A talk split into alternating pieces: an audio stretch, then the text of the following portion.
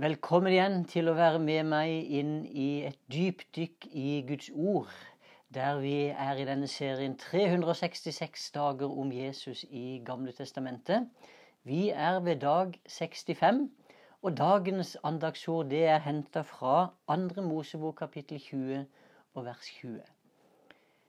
Da sa Moses til folket, vær ikke redde, for Gud er kommet for å sette dere på prøve og for at dere skal frykte ham, så dere ikke synder.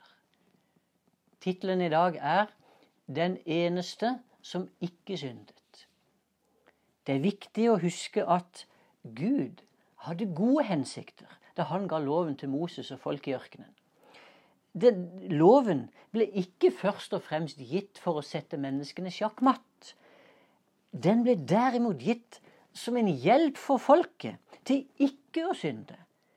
Gud ga loven fordi han elska sitt folk, og fordi han ville gi dem det beste livet. Loven er derfor ikke ond. Det må vi løfte fram, for den fremstilles nesten som det noen ganger. Men den er ikke ond. Den er hellig og god, for den kommer fra Ånden, skriver Paulus. Loven er altså hellig, og budet er hellig, rett og godt. Det skriver han i Romerne 7. Og når Paulus beskriver lovens funksjon, så, han, så fremstiller han loven billedlig som en person, for at vi skal forstå dette bedre. Loven ville virkelig at menneskene skulle oppfylle dens krav og følge Guds vilje. Men det var umulig for loven å få dette til. Siden vi er mennesker av kjøtt og blod og har en syndig natur, så sto loven maktesløs. Loven kunne altså ikke få oss til å slutte å synde. I stedet så ble den en vokter som holdt oss fanga i varetekt. Dette har både en positiv og en negativ side. Den positive siden det var jo at når vi var i varetekt, så skulle det hindre oss i å synde mer. Så lenge vi var innestengt i varetekt under vokteren, så kunne jo heller ikke synden komme inn. Den negative siden, det var jo at vokteren holdt menneskene fanga i synden. For siden det var umulig for et menneske å oppfylle lovens krav, så var det også umulig å komme ut av det fangenskapet på egen hånd. På den måten så blir loven en forbannelse for menneskeslekten. Men den kjærlige og allmektige Gud, han kunne jo ikke la det ende slik. Og i denne elendige tilstanden for menneskene, så griper han altså inn og snur opp ned på hele situasjonen. Og Paulus skriver i Romene 8 det som var umulig for loven, siden den sto maktesløs, fordi vi er av kjøtt og blod. Det gjorde Gud. Han sendte sin egen sønn som syndoffer i samme slags kjøtt og blod som mennesker har, og holdt dom over synden i oss. Slik ble lovens krav oppfylt i oss som ikke lever slik som kjøttet vil, men slik ånden vil. Guds sønn er den eneste som har oppfylt lovens krav. Han ble født inn i denne verden under samme kår og levde under samme, samme kår som alle andre mennesker, men han var uten synd. Det viktigste er imidlertid ikke at Jesus ble født som et menneske, men at han døde som et menneske. For da Jesus døde på korset, så skjedde det et bytte. Han som var uten synd, ble gjort til synd ved at all vår synd ble lessa over på ham. Lovens forbannelse ble brutt i det øyeblikket. Står i Galaterne 3, men Kristus kjøpte oss fri fra lovens forbannelse da han kom under forbannelse for vår skyld. For det står skrevet, forbannet er enhver som henger på et tre. Gjennom syndofferet Jesus bar fram, så ble også lovens krav oppfylt i oss som tror og lever det nye livet etter Åndens lov.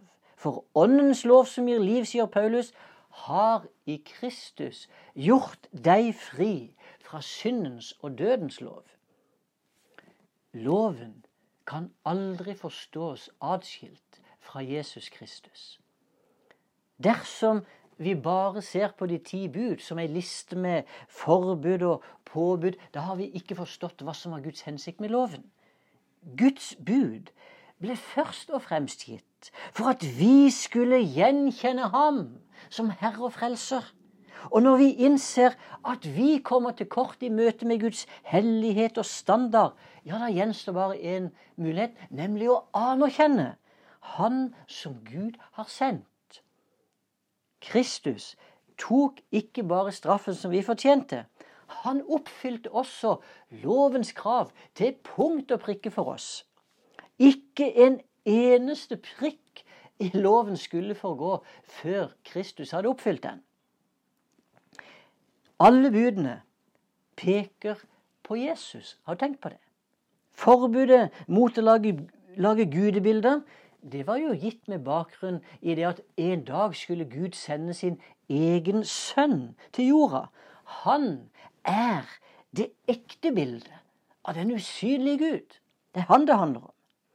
Vernet om Guds navn, og at ikke det skulle misbrukes, det handler jo først og fremst om ham som fikk navnet over alle navn. Sabbaten ble gitt for mennesket, eller vi kan si den ble gitt spesielt for menneskesønnen. Han er herre over sabbaten. Det sa han selv. Gjennom sin døde oppstandelse så forvandla også Jesus sabbaten til å bli Herrens dag, altså hans dag. Å drive hor, det dreier seg ikke først og fremst om at vi skal holde oss tro det, det, det, dreier seg først og fremst om at vi skal holde oss trofast til Han som er menighetens ektemann, og som har gitt sitt liv for sin brud. Jesus, han oppfylte alt for oss, og han hjelper oss til å forstå at hans fars vilje er jo det som er åpenbart i loven. Og når Jesus sa det er dette som vi skal følge. Du skal elske Herren din Gud av hele ditt hjerte og av hele din sjel og av all din forstand og din neste som deg selv. Dette er loven i en sum. Og vi priser deg, Jesus. Vi ærer deg.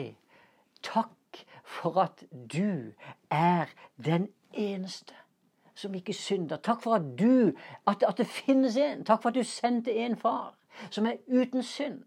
Og takk for at det åpna opp alt for oss. Takk for at det oppfylte alle krav for oss. Takk for at du gjorde det, Jesus. Og at du gjennom det både tok vår synd, men også at du åpna en ny og levende vei. Både ut av arresten og rett inn i himmelen.